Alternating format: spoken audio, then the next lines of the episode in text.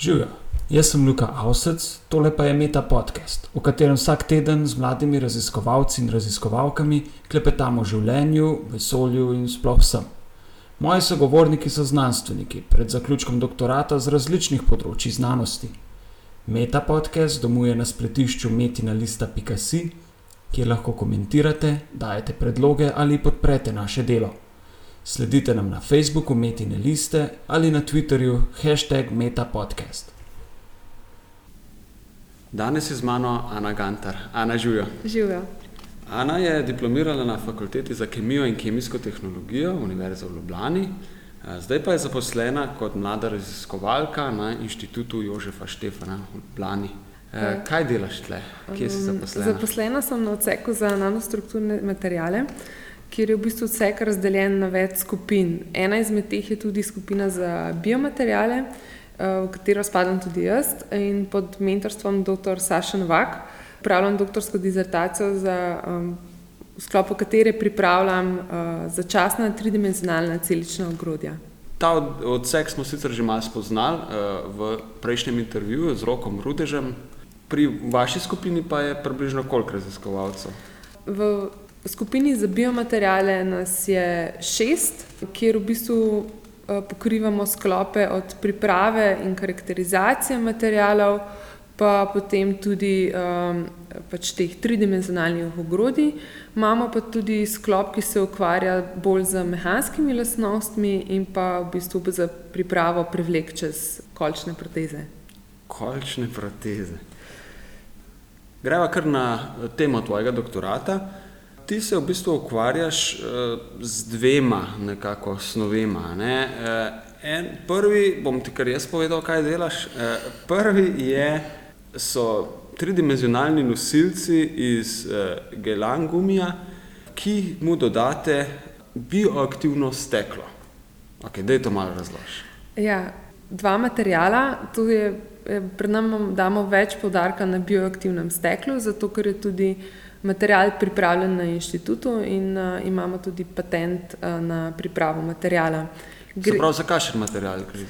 Če ga čist uh, fizično opišem, gre za bel prah, ki je uh, amorfen, se pravi, se v vodi topi.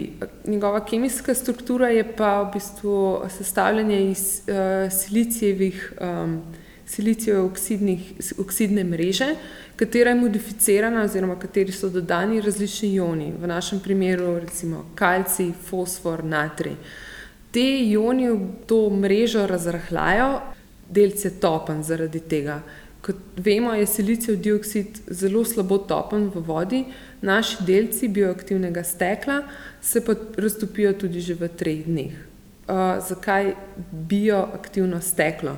Steklo zato, ker je njegova struktura podobna steklu, bioaktivno pa zato, ga, um, zato ker v prisotnosti fizioloških raztopin tvori, uh, je sposoben tvoriti na svoji površini uh, mineralno fazo, hidroksiapatit, ki je podobna mineralni fazi, ki jo najdemo v naših kosteh. To je torej osnova, zakaj bi take nosilce uporabljali za stimulacijo ne, rasti kosti, hrustancev, podobnih tkiv? Ja, v bistvu namen je, um, da bi uporabljali te materijale, uh, da bi pomagali telesu regenerirati določena tkiva. Se pravi, kot vemo, v primeru kosti. Uh, telo lahko samo uh, zaceli določeno ramo, se veš. Če si, Razpoke, recimo, če si zlomiš roko, ti ja. dajo malce in po enem mestu je kost zaceljena. Če pa ta defekt, recimo zaradi bolezni ali pa neke poškodbe večji, ne vem, do 2 cm, recimo na stegnenici, pa telo ne more več samo zaceliti te rane. Zato je v bistvu namen teh ogrodij kot neko vodilo in pa stimulacija celicam, da same, da same zgradijo novo tkivo. Se pravi, ta material pa ni namen, da bi zavedno ostal v našem telesu, ampak da bi se razgradil. Se pravi, imamo nek polimer, v tem prvem primeru je to ta gelangumi, in imamo to bioaktivno steklo, ki daje neke strukturne lastnosti, hkrati pa iz njega izhajajo določeni ioni, ki so potrebni za sintezo nove kosti. Tale polimer gelangumi, kaj je to za ena stvar? Gelan, v bistvu je gelanski gum, gum je slovenski izraz. Uh, gre za polisaharid, ki ga uh, mikrobiologi oziroma biotehnologi izločijo iz mikroorganizmov. Se pravi, uh, je pa v bistvu ga lahko najdemo tudi v našem vsakdanu, zato ker ga dodajajo tudi določenim prehranskim izdelkom, recimo jogurtu, pudingu, uh, mleku, zato ker tvori pač gel v zelo majhnih procentih. V bistvu je nestrupen za človeka, v medicini pa v bistvu je novinec med temi materijali. No, jaz to snov poznam iz mikrobiologije, ko se da z njo pripravljati različna mikrobiološka gojišča, recimo, da se ga uporabi na mesto agarja v zelo mehkih koncentracijah. Prej pa si mi v laboratoriju pokazala uh, take majhne čepke, nosilce, ki jih sama izdeluješ iz uh, gelanskega gumija, ki pa so bili kar precej čvrsti. Kakš, za kakšne odstotke? Odstotke gre to? to so... um, gre v bistvu za dvoprocenten um, hidrogel, če razložim drugače. To je nek čepek, nek val, ki vsaj v 80% vsebuje vodo, ampak vseeno je voda ujeta v tem materialu. To pa zato, ker ta material s pacem temperature oziroma ob dodatku določenih cross-linkerjev, če se lahko tako izrazim, obdrži 3D strukturo. Se pravi, v našem primeru smo uporabili uh, spet kalci, ki poveže te dolge verige polimera v 3D strukturo. Jaz si večkrat predstavljam, ne, kako izgleda kost na neki mikrostrukturi. Ne, sicer predavanja iz anatomije so že kar daleč, ampak ne, kost ni samo kalci. Ne, kost je en tak porozna snov, ne, pol anorganski depozit, pol pa ta organska faza v teh špranjah, noter so celice ki izločajo ta material, ne, no, v kosti so žile in tako naprej. Se pravi, najbrž je tudi pri vaših materialih pomembno, da so materiali porozni, da imajo neke notranje votlinice, kanalčke in tako naprej. Eh, je tako in kako to dosežete? Ja, to je res. Um, v bistvu mi skušamo za pripravo našega materijala čim bolj posnemati kost. Se pravi, um, celicam pripraviti neko na pol domače okolje, če se lahko tako izrazim. Uh, poskušamo posnemati kost po poroznosti, po zgradbi, se pravi, da združimo dva materijala, tako organsko fazo, ki je v naši kosti kolagen in pa hidroksiapatit, mineralna faza v naših kosteh in pa v bistvu tudi mehanske lastnosti. No, samo poroznost dobimo pri naših materijalih tako, da v bistvu zamrznemo to vodo, ki je v našem materialu in ta, te ledene kristale odsublimiramo.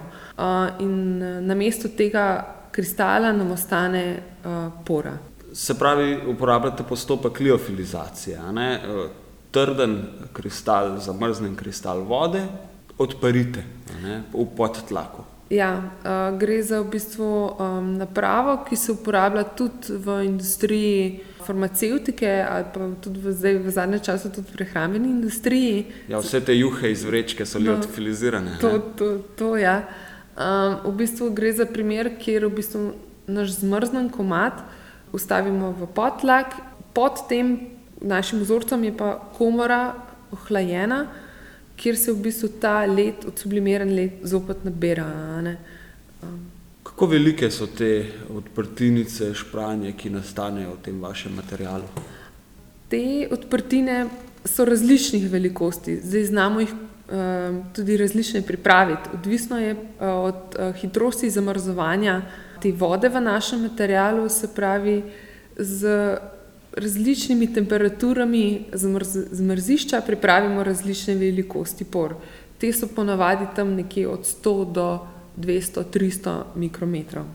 No, to je povsem dovolj, da bi tudi kakšna celica se v taki sobici lahko naselila. Ja. A ste proba že eh, na te vaše materijale nanašati tudi eh, biološki material, neke celične linije ali kaj podobnega?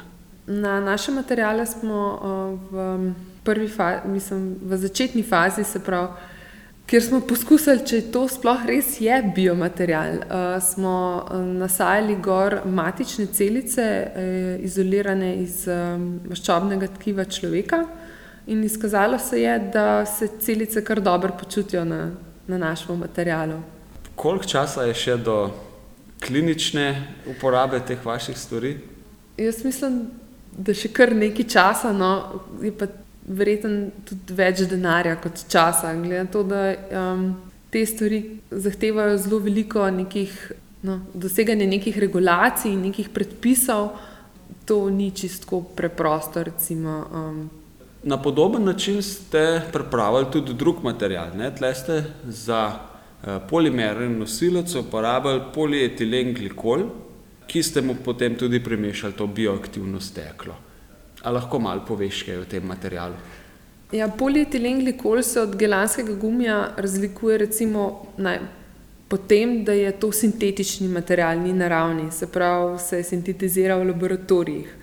Um, v tem, primer, v tem točnem primeru, ki smo ga mi delali, je mm, ta polietilen uh, glikol modificiran z končnimi skupinami uh, žveplovega vodik, vodika, se pravi tiolnimi skupinami. Te skupine se v bistvu uh, po določenih ionih povežejo in tvorijo 3D strukturo. V bistvu prednost tega materijala pred drugimi je pa ta, da je material um, self-healing.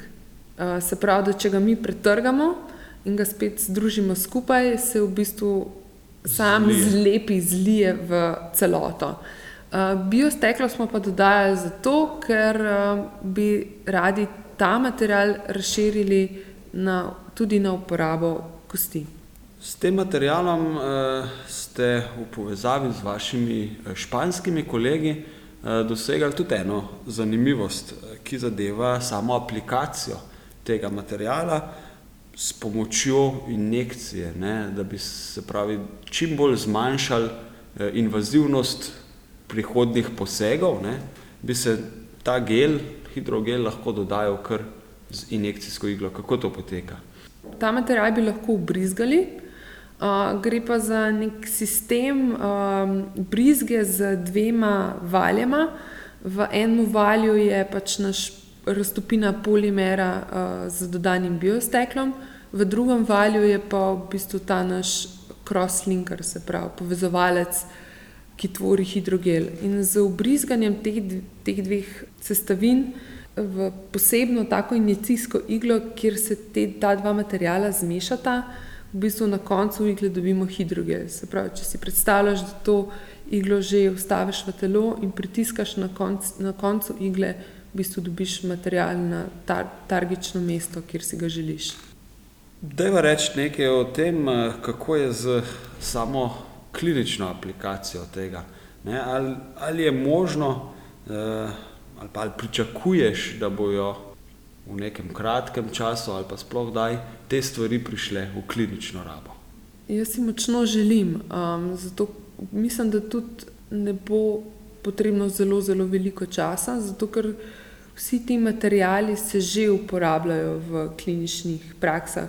Tudi bioaktivno steklo, ki je pripravljeno po drugih postopkih, se že uporablja v um, kliničnih uporabah. Uh, Pri vas ste to testirali vse samo in vitro, ne? se pravi v nekih uh, linijah, v nekih laboratorijskih pogojih.